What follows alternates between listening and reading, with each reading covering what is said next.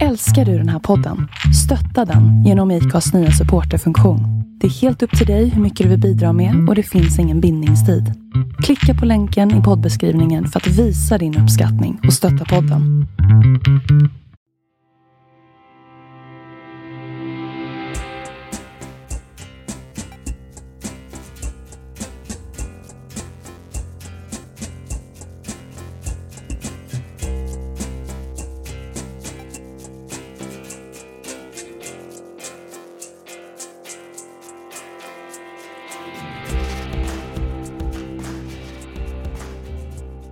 Hej och varmt välkommen till Andreas och Viktor förklarar politik.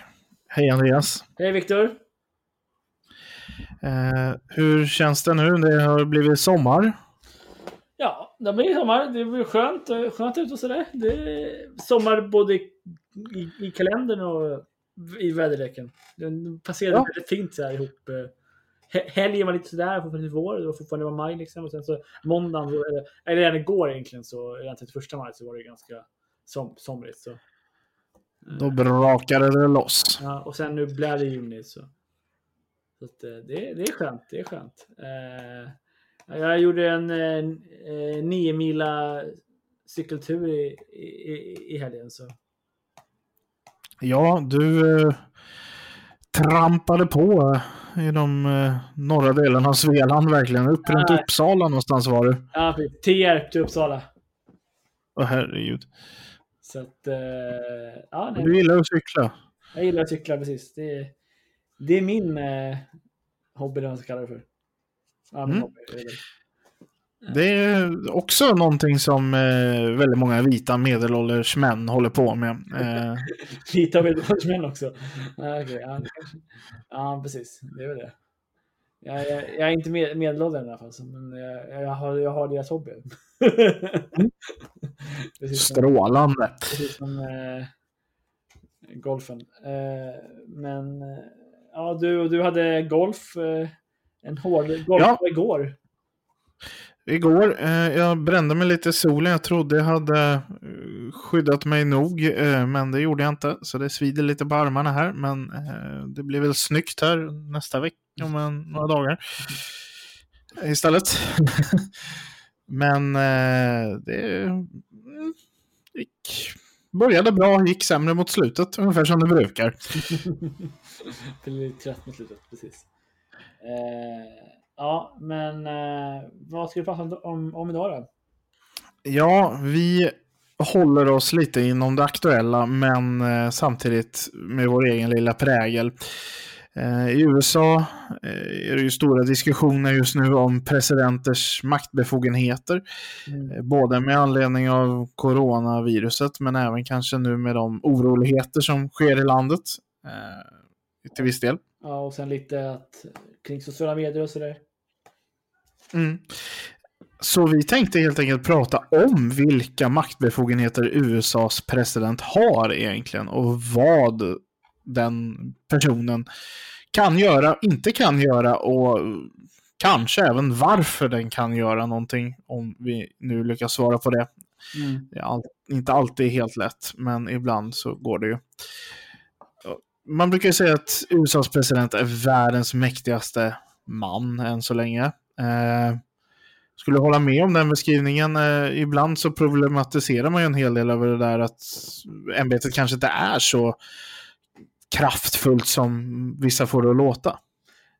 Men jag skulle nog fortfarande säga att eh, det är mäktigaste personen och man, men även personen för att om man då ska jämföra med vissa kvinnliga ledare i världen. Liksom.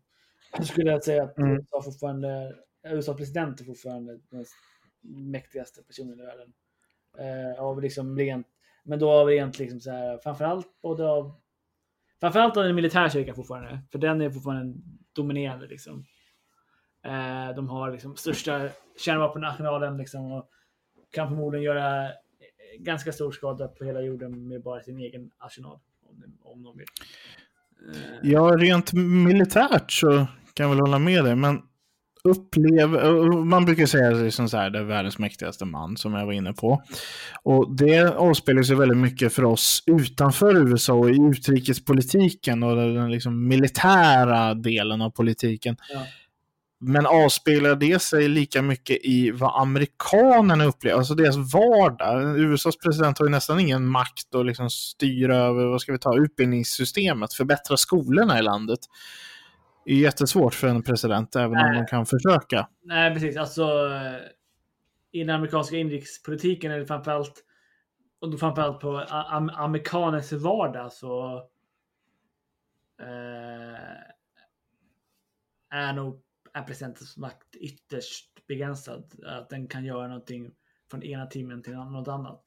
Alltså, alltså man brukar ju säga att ja, men det, han skulle kunna bestämma sig för släng, sätta på kärnvapenarsenalen eh, och rikta in, rikta in mot USA. Men, men egentligen så finns det nog begränsningar för att den skulle kunna göra något sånt. Ja, eh, alltså även om man är, eh, hur ska man säga, överbefälhavare rent militärt så ska ju den orden, det är ju inte Donald Trump i det här fallet som faktiskt sitter i eh, de här kärnvapensiloserna och trycker på knappen att bomben går iväg. Nej, Det är ju flera ledare emellan, så varför man skulle bomba sitt eget land. En stark känsla inom mig säger att eh, den där orden skulle stoppas i eh, när den går igenom maskineriet för att det verkar ju helt befängt. ungefär. Man skulle nog... Kabinettet skulle ganska fort, eller någon skulle här fort säga att eh, presidenten inte är... O, vad säger man? Eh, är i sina tillitsbundna bruk och inte kan till... Artikel 5 är det va, som eh, man använder då i konstitutionen. Fem eller femton, jag kanske kommer det inte riktigt ja. ihåg. Ja, men det var, tillägget eller men- något sånt. men, Men, är eh, man, ja, inkapaciterad, säger man? Inkapaciterad. Ja. Eh, det är ju helt enkelt, det finns, jag tror ett tillägg, eh, att tillägger. Om presidenten inte är kapabel att utföra sina uppgifter så liksom, kan en annan person ta över ämbetet tillfälligt. Eh, Mm. Gärna vicepresidenten eller någon medlem i, eh, alltså man följer successionsordningen. Mm. Eh, så det är ju det är ju högst troligt att man skulle förklara presidenten sinnes eh, inte vid sina sinnesfulla bruk och därmed liksom stoppa det här och säga du är, får inte ja, utöva din makt just nu. Precis, precis. Men när man kollar på amerikanska filmer kan man ibland, och sådana där, sådana där scenarion, så kan man ibland tro att det är ganska snabba beslutskedjor. Det går ju fort, eh, skulle jag vilja säga, att man behöver återgälda ett kärnvapenangrepp till exempel kräver ju att det går fort, men Ja. det betyder ju inte att det går från presidenten till den kille som sitter i North Dakota med själva bomben, Mm. utan det går ju vid ett antal Mm. personer. Eh, Och eh, det ska ju även kodas in koordinater och liknande. Om, om du vill bomba Dallas, det är ju inte direkt något de har förprogrammerat. Bomberna är väl troligen mer inställda på Moskva och Beijing och liknande. Och inte Precis. Dallas. Nej, precis. Precis, precis, precis. Exakt, exakt. Nej, precis. Men det är bra att poängtera det, för jag tror att det är den bilden man får av- Hollywoodfilmer. Mm. Eh, men sagt, men som vi sa, vi började med alltså, ja, nej, men alltså makten, den inrikespolitiska makten för presidenten är ytterst begränsad. Vad, är det, vad ligger makten där? Och det här varierar ju självklart på vilket politikområde det är. Men eh, ska vi ta, ska vi ta federal lagstiftning?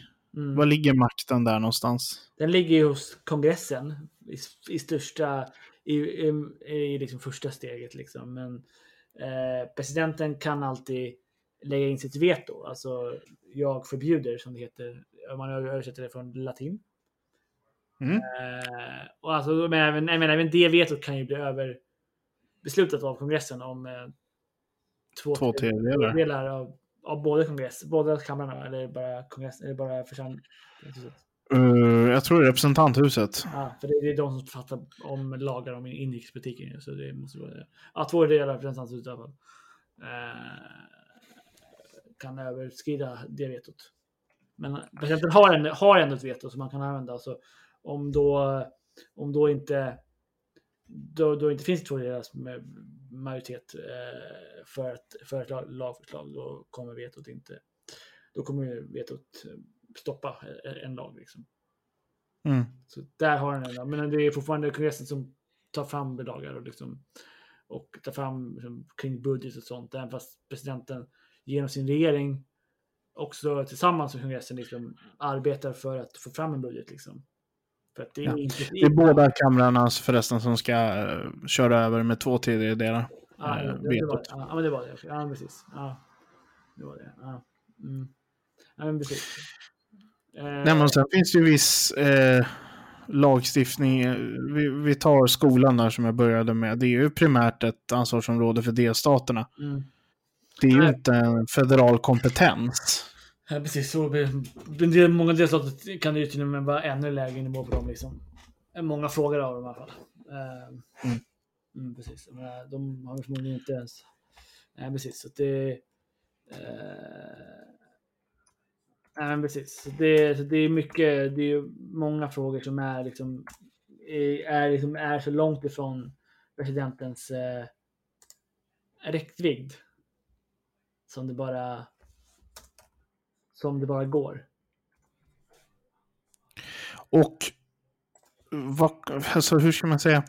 Vad kan man göra då? Om vi fortsätter med den här utbildningspolitik-historien. Eh, för vi hade ju ändå George W. Bush eh, hängav sig väldigt mycket åt utbildningspolitik som just president. Mm. Eh, och eh, ville tydligt förändra systemet och få upp eh, betygen och liknande i landet. Och det, är ju, det, det, känns ju som någonting som känns rimligt för den nationella regeringen att vilja. Att vi vill att landets skolresultat ska gå upp i sin helhet. Men det blir ju väldigt svårt. Han kommer som guvernör i Texas. Då, mm. då hade han väldigt stor makt över det här och kunde bestämma nästan precis vilka skolböcker som skulle användas i undervisningen. Men nu kommer han till den federala nivån och då blir det helt plötsligt bara en massa olika stimulanspaket och mm. pengar. Alltså, lite som den svenska regeringen får jobba med när det gäller skolan också, om vi säger lärarlöner eller liknande, när man inte har befogenhet. Nej, inte. Skillnaden mellan Sverige och USA är väl att det ändå eh, ändå finns ganska mycket omfattande lagstiftning kring, eh, kring hur skolan, läroplaner och sånt liksom. Eh, på eh, nationell nivå. Jag menar, alltså, i USA så är det... Alltså det har ju kommit mer och mer sånt i USA, men, men det fortfarande är det stort, mer eller mindre delstaterna som beslutar om läroplaner och, och sånt där. Mm. Och vissa, jag menar, det är inte så, det är till och med kontroversiellt i USA om man överhuvudtaget ska ha en läroplan överhuvudtaget liksom, på någon nivå. Eh, I alla fall är det en fråga när man gör, när man gör eh, politiska quiz för att se var man hamnar.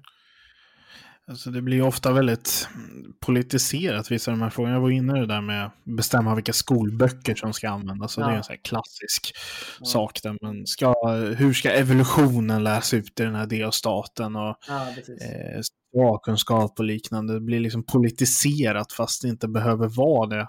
Nej. Eh, och det är inte det här, men där blir det det. Precis, precis. Ja, precis.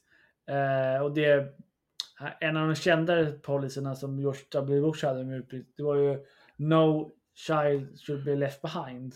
Var Exakt. Eh, det handlade ju bara, det handlade, det handlade om att se till att ge stödpengar för att liksom, de skolor som har problem, liksom, men de kan inte styra skolorna så mycket, så de kan egentligen bara ge pengar. Liksom.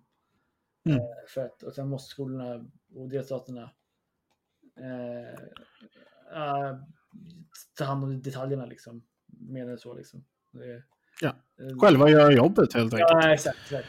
Så att, eh, så, och det, hans, det programmet blev väl inte eh, jättelyckat liksom. För att ja, det är ju svårt att göra någonting liksom. Så att, Eh, så att, eh, gjort lite, har gjort lite narr av, av, av det tror jag, det, det jag har läst om det. Mm. Men, eh, man säger, men Ja.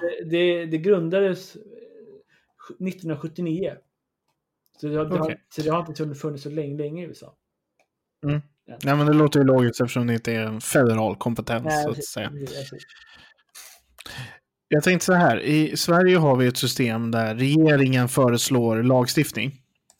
Mm. Eh, Det är ju egentligen regeringens en av de huvudsakliga uppgifterna i Sverige, förutom att styra och eh, liksom följa och, eh, och eh, vad heter det? Liksom genomföra riksdagens beslut. Men Mm. så är det även att föreslå nya beslut till riksdagen eh, Mm. och utreda förslag till beslut. Så funkar ju inte riktigt heller i USA. Eh, skillnaden där är ju att presidenten kan inte lämna förslag till kongressen. Eh, det är ju faktiskt så att det är eh, eh, kongressledamöterna i första hand eh, som utformar lagstiftningen. Sen i modern tid och liksom sen partisystemet kom till så är det ju så att presidenten väljer ju att jobba med vissa kongressledamöter i olika frågor. Att eh, den här personen har stor trovärdighet eller kunnande inom den här frågan och därför vill jag att den är med och utformar den här lagstiftningen. Men det ju, kan ju lika väl vara så att eh, kongressen kommer på en lagstiftning helt själv, eh, röstar igenom den och skickar Mm. eh, lagen till presidenten för att skrivas under. Mm. Och då har ju presidenten två val. Ja, precis. Inte skriva Det är det. Eh, och det är väl Man har därför man, att att skriva under den eller så måste man skicka in ett veto. precis, och det är väl därför han eh, väljer att eller, eh, liksom, det är därför de väljer liksom att de har de här samarbetena liksom ändå, för att, eh, mellan varandra liksom, och se till att det, att det finns eh, en förståelse när man lägger ett förslag och det resterande på kongressen att man vet förmodligen att presidenten då kommer skriva under det liksom. Eh, Mm. så, man, så man slipper man slipper göra ett onödigt jobb liksom. Sen så ja, hade man inte två tredjedels majoritet. Det hade varit jobbigt. Eh, Ja, och det här är ju också en del av det hela checks and balances, alltså maktdelningsprincipen att eh, presidenten kan inte stifta lagar så att säga, eh, men kan eh, ogiltigförklara lagar han inte tycker om och tvärtom Precis. för kongressen då. precis. Och för, för de båda är ju folkvalda från två olika kanter liksom. Har, ju, har båda folksuveräniteten bakom sig liksom. Eh, Mm. Så att, eh, ja.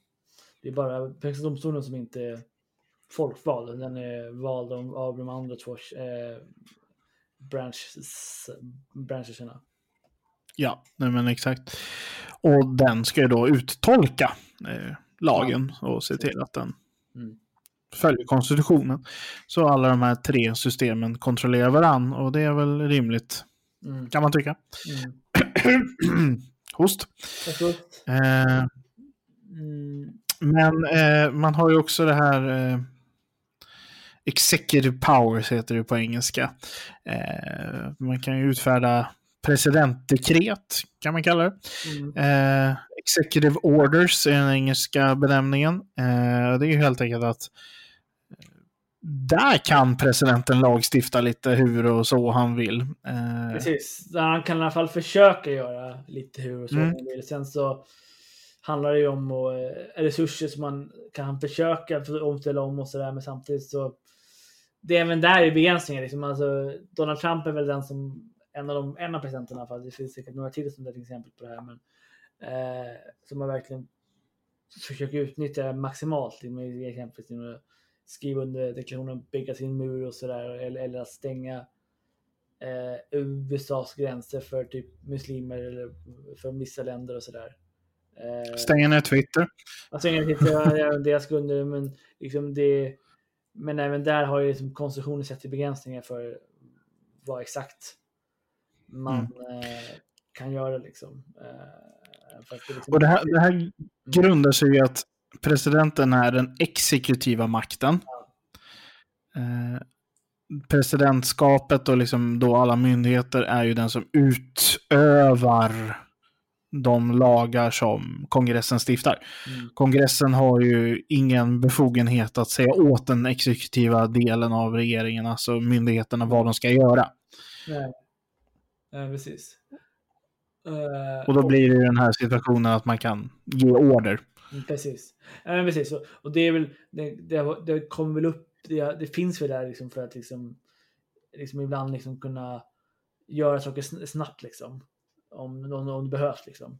Eh, för att den, eh, för kongressen inte har tid att få fram en lagstiftning eh, och liksom det här behöver ta snabbt beslut liksom. Från den verkställande makten. Eh, sen har det ju använts kanske av, av ett olika skäl på andra sätt liksom. Mm. Eh, men- I Sverige har vi ett alltså, lite motsvarande system. Vi, vi, vi, I Sverige har vi våra lagar som Mm, eh, riksdagen stiftar. mm, Sen har vi ju förordningar mm, som regeringen utfärdar inom ramen för de här lagarna. mm, Så man tänker på det här systemet på motsvarande sätt. att det, det är ju liksom tänkt att kongressen ska stifta en lag, stift, lag som säger att, eh, vad ska vi ta? Eh, vi vill ha sju nationalparker. Okej. Eh, och det är de här. Eh, bra, då har vi sju nationalparker i liksom juridisk mening. Det här landområdet är en nationalpark, men eh, presidenten måste ju genom en förordning kan man säga, liksom en, tilldela resurser till de nationalparkerna för att de ska kunna styras. På samma sätt som vår regering inom, eh, alltså, tolkar ju vidare lagen och förtydligar den genom förordningar. Och sen rullar ju det ner i Sverige också i föreskrifter från myndigheterna. Och det finns säkert något liknande i USA också. Alltså det, det här rullar ju vidare. ja, precis.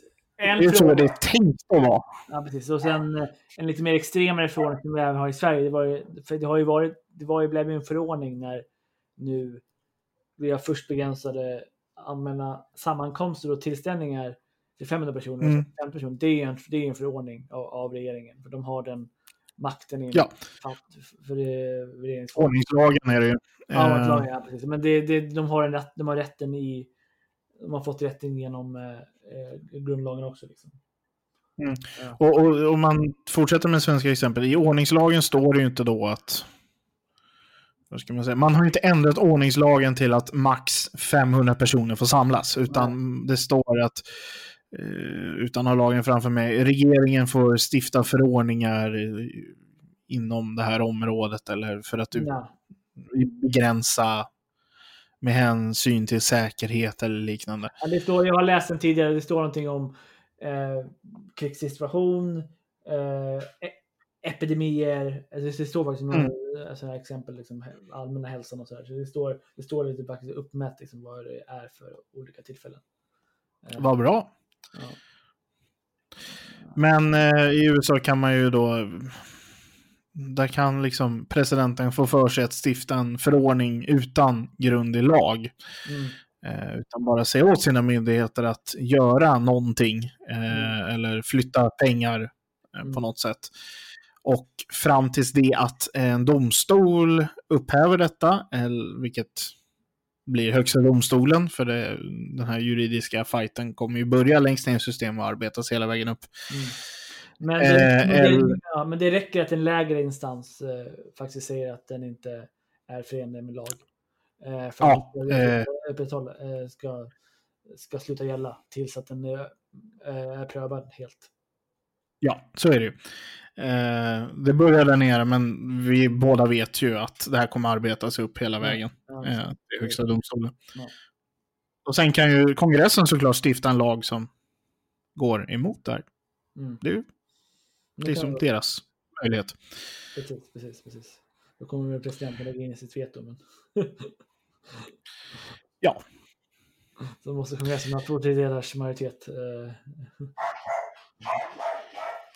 Eh, om vi ska prata lite om den här eh, makten att utse mm, olika ambassadörer och andra federala tjänstemän och det är Mm. domare och liknande. Myndighetschefer. Alltså, det är ju 6000 Ja, precis. olika federala poster. ja. Myndighetschefer och berörda poster och sånt, där har ju presidenten, det, det är den exklusiva maktens och presidentens eh, helt exklusiva rätt att utse dem liksom. Eh, själva och, och sin egen kabinett. Eh, de blir utfrågade av, eh, Mm. alltså, av kabinetten, alltså. In, inte, in, inte vanliga myndighetschefer. Det beror på vilken myndighet det är, men det men eh, av de större myndigheterna tror jag de blir utfrågade. Men, men de har, han har ganska stor makt en, en stor del av dem i alla fall. Eh, Mm. men en del blir, blir utfrågade av kongressen också. Och en del Ja. godkännas.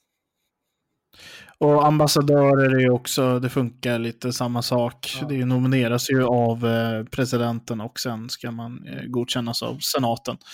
De har ju Eh. lite, de har lite olika am- ambassadörssystem i USA. Vi- vi- Vissa är mer politiska ambassadörer medan andra är mera alltså, diplomatiska, liksom, där de inte har så stor roll politiskt. Utan, de, Ja, eh, karriärdiplomater. Ja, man kan väl säga att eh, det finns lite samma system i Sverige också. Men om vi Jo, håller oss till men- USA Jo, men rent generellt. Ja, Nej, men jag tänker... dig. Ja, förlåt. Men rent, rent generellt så, det jag tänker så här, men, generellt, de flesta liksom, de flesta eu- europeiska, för att skillnaden mot Sverige, så, här, så ambassadörer måste ju inte, ingen ambassadör i Sverige måste ju, som är ambassadör på en, på ett lands am, am, am, ambassad, Mm. eh, måste ju avgå när en regering avgår. Men, Nej, men nej. de polit- politiska ambassadörerna måste ju avgå när, när den president som har utsett den avgår. Till exempel Stockholmsambassadören måste avgå, den Londonambassadören, Bryssel-representanten och ganska många av, av de europeiska ländernas ambassadörer. Sen så finns det mindre viktiga länder, anser man i USA. Eh, eh, Eller svårare länder. Ja, svåra länder, men ändå, man, det är ändå inte, de är, inga, de är inte så politiskt, politiskt viktiga så att man behöver en eh, man behöver, så det behöver vara bundet presidenter. Så de sitter ju kvar. Ja. Över president eh, och jag vet inte hur de liksom hur det har beslutats vilka ambassadörer som är eh, liksom politiska och vilka som kan sitta över flera presidenter. Ja, det här hände ju väldigt, eh, det blev väldigt aktuellt vid senaste presidentskiftet. Men rent generellt kan man ju säga att eh, de här karriärdiplomaterna, Mm. de är rätt lätta att urskilja. De har gjort karriär genom utrikesdepartementet. Det. Eh, och, och har fått en diplomatisk tjänst. Ofta i länder som antingen är extremt komplicerade rent diplomatiskt. Alltså att hur ska man, alltså, krigszoner, eh, utvecklingsländer, eh, länder som USA har kanske en liten tveksam relation till. Eh, Just det. Kina Mm. är ju liksom ett stort eh, land, men fortfarande en karriärdiplomat för att det är så komplicerat. Mm. Sen finns de här länderna som är där man utser mer, i, i Sverige är det ju ofta eh, gamla politiker, eh, Mm. partiledare, eh, ministrar Jo, som får men- de motsvarande. I Jo, men USA fast- är det Mm, ofta personer som har stöttat, får jag vara lite elak, som har pumpat in mycket pengar i valkampanjen och få dig vald. Men Och då får vi de här lite glassigare, lätta ambassadörstjänsterna. Sverige, Norge, liksom. Storbritannien är ju de mest prestigefyllda. Eh, ofta i Europa, Men det är fortfarande en skillnad mellan Sverige och USA. Det är att det är det. även fast, även fast du kanske är tidigare partiledare och du får vissa tjänster så de kommer ju ändå sitta kvar när nästa regering blir ut. Liksom. De sitter ju kvar Ja. en längre period. Liksom. Så att, eh, Ja. så det, medan här av någon anledning så har man bestämt att vissa ambassadörsposter är, bara, är begränsade på fyra respektive åtta år beroende på hur länge presidenten sitter. Eh, Ja, och det är ju... De brukar ju säga att de tjänar på presidentens nåd. Alltså man, en amerikansk ambassadör representerar ju presidenten ja. och inte regeringen eller landet. Våra ambassadörer representerar ju staten Sverige. ja. Så det är det. Eh, Det blir skillnad där. Mm. Men sen brukar de ju sitta kvar tills dess att en ny har tillträtt. Så hände ju inte nu senast. Då blev ju alla bara bortsparkade. Mm. Eh, men normalt sett är det ju att du lämnar in din avskedsansökan vid dagen för maktskiftet och sen liksom fortsätter du fram tills att den nya kan komma. Ja, exakt. Sverige har ju varit, varit utan en ganska länge. Typ två år va? Ja, någonting sånt. Uh, ja, 2019 blev, fick man, september 2019 fick vi en, en, en amerikansk uh, Sverige-ambassadör. Uh, Det är tre år. tre år precis. Så att, uh, Det har gått långsamt att mala fram de där ambassadörerna. ja, någon IT-miljardär, Ken Howard. Ja, och där ser man ju. Det är liksom bara kan vi säga, prestigeuppdrag. Ja. Sen, det betyder inte att de är dåliga chefer eller dåliga liksom, diplomater eller representanter för sitt land, men det är en väldigt tydlig skillnad. Det är inte ett lika svårt land att verka i, Nej, i Sverige. nej. Ha, har du någon presidentmakt du vill prata om? För nu har jag pratat väldigt mycket och lyft upp pennan. Eh, nej, men eh, ja, han, det är en, en viktig sak som jag tycker inte vi, för vi pratar mycket om, tycker jag, han, han har ganska begränsad eh, makt i USA. Han kan utse en del som, som jag pratar om nu liksom. Eh, och sådär, men han måste fortfarande få råd och eh, eller konsent från sen- senaten för, för de flesta liksom. Eh, och kan tillfälligt utse några om, om senaten är på break. Eh, Just det eh, kan också teckna eh, avtal, alltså med andra länder och sådär, men det måste alltid godkännas av eh, två tredjedelar av senaten. Eh, och då, då, då, då får det bara handla om utrikespolitiska affärer. Liksom. Om det är något som berör inrikespolitiskt så måste också kongressen eh, Representanthuset. Ja, det är förlåt. Representanten måste också go- godkänna det. Det står precis uh, otherwise granted to con Congress. Okej, så, att, eh, så det, det står på Wikipedia så det är väldigt konstigt. Ja, Okej, ja, samma. Eh, Ja, men då blir ju hela kongressen, då får ju båda husen precis. rösta. Det- Men det står liksom så här. Eh, President may make treaties which need to be ratified by two-thirds of the Senate. And is Mm. according to thus foreign affair functions not otherwise granted to Congress or shared with the, sen- the Senate. Så, ja. Mm, mm. Så det, eh, men eh, utöver det, så- men, sen, men sagt. Eh, så att, eh, jag tycker priset, han är ganska begränsad, men den har en ganska stora friheter när det kommer till, till utrikespolitiken. Liksom. Eh, utöver liksom, så länge han inte tecknar avtal som påverkar liksom, landet. Liksom. Eh, och så. Så han, är, han, han är det som är, kallas överbefälhavare över den amerikanska armén eh, och flottan. Eh, och det har, ja, de har ju varit... George Washington var överbefälhavare över den re- revolutionära armén och sen så har det, fastnat där liksom. För han var ju första presidenten. Ja. Eh,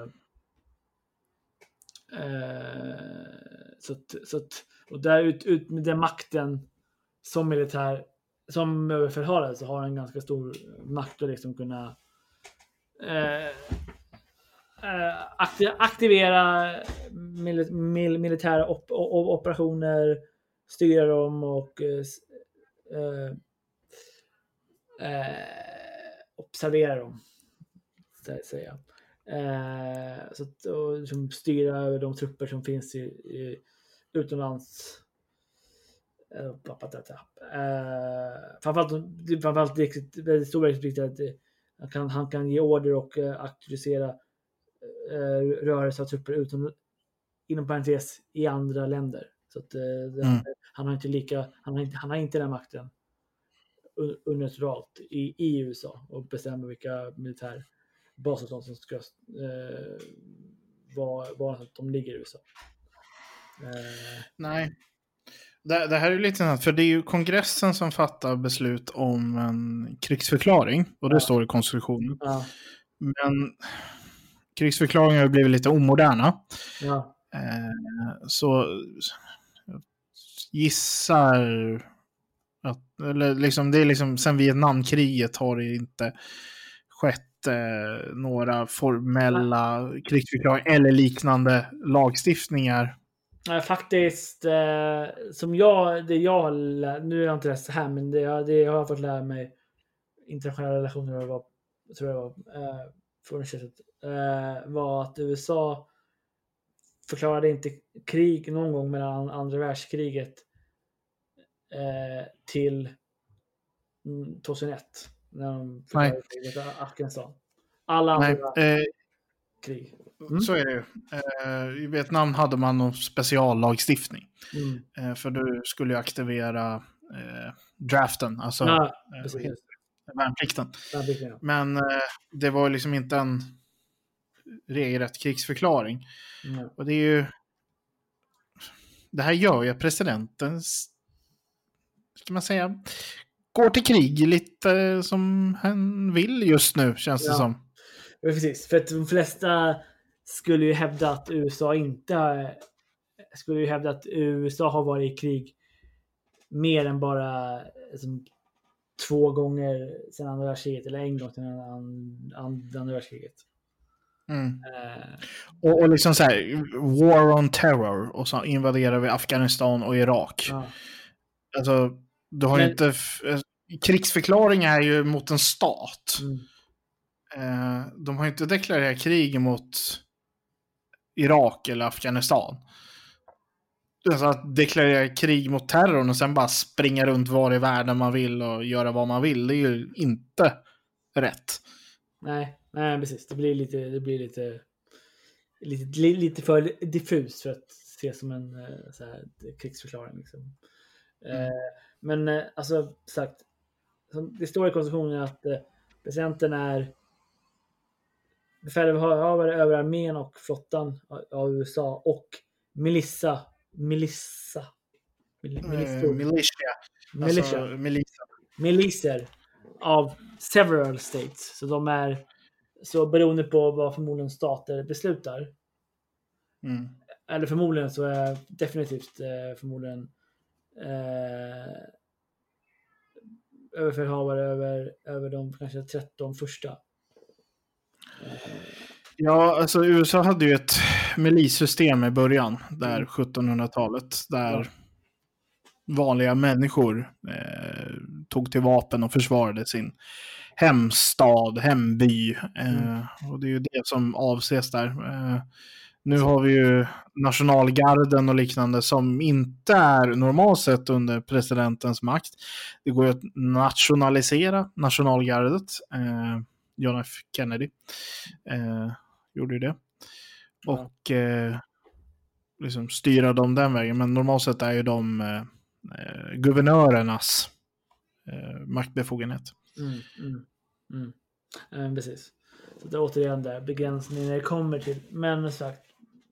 eh, De har som sagt väldigt stor eh, makt när det kommer till svaret. Men det har ju skett liksom under åren en del tillägg, inte tillägg, eh, direkt när det kommer till de här sakerna, men mest eh, eh, lag, lagregleringar som förtydligar saker och ting. Liksom. Mm, mm. Eh, 1973 kom en krigsmaktsresolution antagen av kongressen som, som, som säger att kongressen måste auktorisera en, eh, någon, eh, alla trupprörelser som är längre än 60 dagar. Mm. Eh, mm, så. Ja. Eh, jag, ska vi avsluta krigsdelen och gå in på den kanske sista delen i alla fall som jag vill prata om och det är eh, eh, den här makten att ge och det här är så kul när man läser på engelska och ska översätta det samtidigt i huvudet till svenska medan man pratar, att benåda. Mm. Eh, presidenten kan benåda för federala brott. Mm. Och det händer ju väldigt ofta. Det finns till och med en, ett kontor i eh, justitiedepartementet som behandlar de här ansökningarna. För det är ju, är du dömd för ett federalt brott och eh, har lite svårt att komma ut, eh, du kanske fick ett långt fängelsestraff, så är det inte så konstigt om du eh, tar en, ändå chansen att eh, ansöka om benådning hos presidenten. Men det är ju en eh, makt som används lite hur den vill. Både, Mm. ska man säga, det finns politiskt motiverade, det finns eh, sånt som kanske man vill ska ge mer medieuppmärksamhet och sen finns det de här rent alldagliga, vanliga eh, benådningarna som faktiskt försiggår också. Precis. Alltså, Även det här systemet finns i Sverige. Mm. Du kan det- bli benådad av regeringen. Regeringen, ja, precis. Men det, är lite, det sker lite mera sporadiskt, eller inte sporadiskt, mer sporadiskt i Sverige medan i, i USA så sker det lite mer, mer, mer sys, systematiskt. Ja. Eh, Eh, och det är ju som sagt för federala brott. Jag är väldigt tydlig med det.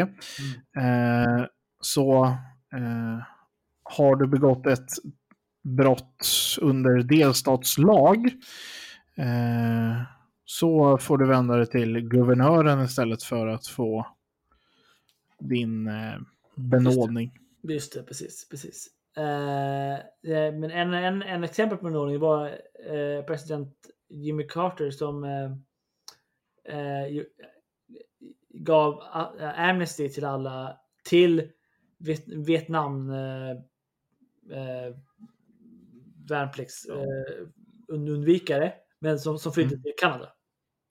Ja, just Så det. bara, så, bara, så, bara, så bara dem. Annan mer känd benådning är ju Gerald Ford som benådade Richard Nixon utifall att han skulle begått några brott under Watergate-skandalen. precis. Utifall. Utifall att. Utifall att. Precis. precis. Eh, ja, precis. För att, eh, man, man brukar ju benåda någon bara för att ut, ut, utifall att. Eh, Utifall att. Eh, och sen har vi ju Trump. Ja, nog, han har ju benådat fler människor, men en eh, så här berömd eh, benådning han har gjort är den här Sheriff Joe i Arizona eh, runt Phoenix som satt i fängelse eh, för, vad var det nu? Eh, maktmissbruk och sånt tror jag det var. Eh.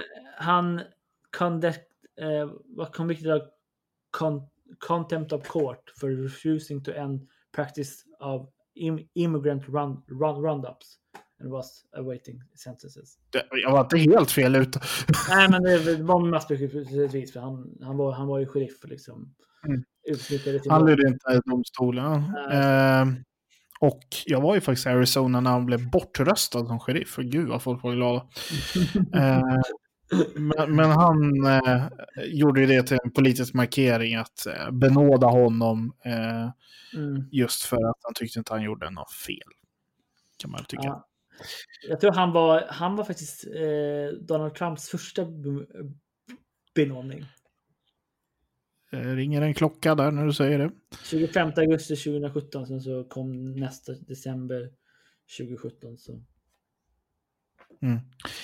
Eh, jag sa att det skulle vara federala brott också. Eh, jag kan ju ge lite exempel på federala brott. Eh, det är eh, mail fraud. Eh, alltså, vad ska vi översätta det till? Eh, Eh, brev eh? Nej, nej. något sånt. Ja. Falska frimärken säger vi. Ja. Eh, nej men, eh, eh, flygplanskapning, eh, kar, kar, bilkapning, eh, kidnappning, eh, lynchning, eh, alltså gud att läsa från engelska och översätta, bankrån, barnpornografi, kreditkortsbedrägeri, identitetsstöld och eh, IT-brott, hatbrott, eh, djur... Eh, animal cruelty. Djur, ja, djurskyddsbrott. Ja. Men alltså, Ja. hur, ja, ja. Jag, skulle Mm. vilja, se- jag skulle vilja se den som eh, presidenten som skulle benåda någon barnpornografiker. Eh, dålig idé för dina Nej. opinion ratings. Ja, det tror jag också. Eh, Framförallt någon som är dömd för barn. Man, man, man kan ju bara benåda folk. Eller, ja. Den här är nog kanske mer eh, trolig. Att man, eh, det är även ett federalt brott att eh, skada eller förstöra en offentlig brevlåda. det är bra. eh, ja, precis. Jag tänkte också säga det är nog väldigt få som skulle bli nådade för att man har, eh, har blivit skyldig för att eh, kapat ett flygplan också. Eh, och sen 1965 är det också ett brott att försöka mörda presidenten eller eh, vicepresidenten. Ja, Det var liksom inte ett specifikt brott innan. ja fast ja, okej. Ja, ja, men det är Då var bara... det ett vanligt försök till Ja, mord. ja, okej. Ja, okej. Ja, men det är väl, alltså, det är väl, det är väl ingen specifik brott i Sverige. Och, eh, man, får väl inte, man får väl inte höra straff i Sverige för man hade Olof Palme. Nu har inte någon dömt för det i för sig. Men, men, eh, men jag, jag, jag, Jag I ganska slutet av månaden vet vi hur det gick med det. Men Nej, eh, sen jag- eh, i Sverige så är det faktiskt eh, vad heter det, allvarligare att begå brott mot politiker. Ja, just det. Men det är det, ja. Men det är det, ja. Mm. Mm. Men det är ju kanske generellt ändå. Det är, det är intressant att man har en lagstiftning som där det säger det. Att brott mot, försöka döda president eller vicepresident, det är ett specifikt brott. Mm. Det är en sak att ha, ha det, mot en förtroendevald liksom. Så här, liksom. Men alltså, det, är, det är väl egentligen samma andemening på något sätt. Det är det väl, men, eh, I det hela. Men, ja. Min känsla är att USAs rättssystem eh, hade eh, utdömt ett lite hårdare straff om du försökte mörda utrikesministern också. Ja, förmodligen. förmodligen. Det är det de baserar på. Ja. Har du något övrigt att tillägga som Eh, vi känner att du har missat? Nej, jag tror inte det. Uh, vänta. Nej. Eh, det, det. Ja, var väl det här, jag kanske nämna lite kring det här med emergency powers. Eh, de har, Just det, det kan ju vara relevant i dagarna. Vi pratade lite, jag har sagt om det där vi liksom pratade lite om vad man kan göra i USA och sånt, när vi pratade lite om vad, varför Sverige inte har det och så. Eh, Men de har ju ganska mycket de kan eh, utlysa och det sker liksom, det, det sker ganska ofta. Liksom. Det innebär inte, det innebär, det i USA in, innebär det ganska ofta att man bara liksom eh, Flytta flyttar- pengar. Ja, flytta pengar. Liksom. Det innebär inte att man liksom stänger ner att hela USA utegångsförbud. Liksom. Eh, Nej. Det är mer att det, det är mer en resursfråga att använda. Att inte behöva gå till kongressen för att flytta över min, myndighetspengar. Liksom. Mm. Eh, Nej men eh, national emergencies är det väl flera pågående eh, hela tiden. Exakt, ja, exakt. exakt. Det, det, de har väl aldrig haft, de, det, var väl, det var väl 300 år sedan de hade, nej inte riktigt, typ eh, 240 år sedan som de hade, inte hade några national emer- emergencies. Så, eh, men det är ju som sagt, eh, och vi har pratat om det här innan. Ja. I någon podd. Kan inte numret på det just nu, men, eh, men det var eh, någon, någon månad sedan, två månader sedan. Mm. Eh, så eh, lyssna igenom allt vi har sagt eh, och eh, så kommer ni hitta det. Precis, precis. det bästa. Och sen... Nej, ja, just det. Andreas tänker högt. Ja, exakt. Men eh, exekutiv ex, exekuvitet pri, privilegier har de ju också. Där de kan hålla ifrån eh, information från allmänheten om, om de an, anser det vara av, av nationellt säkerhetsintresse att göra det. Liksom. Mm. Där, Missbrukas lite ibland. Ja, exakt. Och det har blivit fällda. Det var provningar. Till exempel eh, försökte Clinton använda det i, i Litvinski-affären. Liksom, och sådär. Eh, och Nix, det var också i vårt försökte Nixon också använda det. Eh, Mm. Den första som han använde det, det var faktiskt George Wash- Wa- Washington. Ja. Eh, eh, men, men. Eh, Och det är tanken att du inte ska berätta om relationer med andra stater i diplomatiska förhandlingar eller liknande. Alltså, det inte ska bli offentligt vad du förhandlar om. nej. Men mm, det är bara att säga executive privilege. Så liksom stannar det där så det missbrukas lite ibland. Kan man säga. Precis. Jag har lite politiska egenintressen. Mm. Ja, nej, men då, jag, tror att det ja, jag tror att det är det, vi, det som man kan ta upp om deras eh, begränsningar och sånt. Och så här. det är en mäktig person, men och framförallt eh, mot övriga världen. Mm. Eh, mot landet i sig inte lika mäktigt. Nej, jag skulle ju säga att styrkan ligger i utrikespolitiken där man också har, och det är, alltså det, det är lite kul för det är väldigt likt den svenska regeringen när man tänker till lite. Alltså, i Sverige också, regeringen har mycket mer makt Ja. i utrikespolitiken att göra vad de vill. Men det är Och det är skillnad. eh, men det är skillnad att det är kollektiv. Det är en kollektiv Ja. grupp. Medan eh, i USA så är det, bara, är det bara en person som sitter med ganska mycket av den makten. En person, ja. Eh, eh, precis, för att eh, kabinettet är bara Mm. ansvaret under honom och han kan sparka kabinettet hur, hur han vill. Liksom. Eh, Ja. innan, de, innan de ens hinner säga att han är inkassabel. Liksom, och så kan han tillsätta eh, nya kabinettledamöter. Men vi får väl tacka för oss och för att ni har lyssnat. Mm. Eh, hoppas ni tyckte att ni lärde er någonting och att ni vill lyssna igen redan nästa vecka. Eh, Yes. Och så har ni alla våra tidigare avsnitt att gå igenom också. Det börjar Yes. bli några stycken nu. Ja, exakt. Eh, är bra. Hoppas ni tycker det var intressant. Följ oss där poddar finns och ja, like oss på Facebook. Ja, ha en bra vecka. En bra Vi vecka. ses. Hej.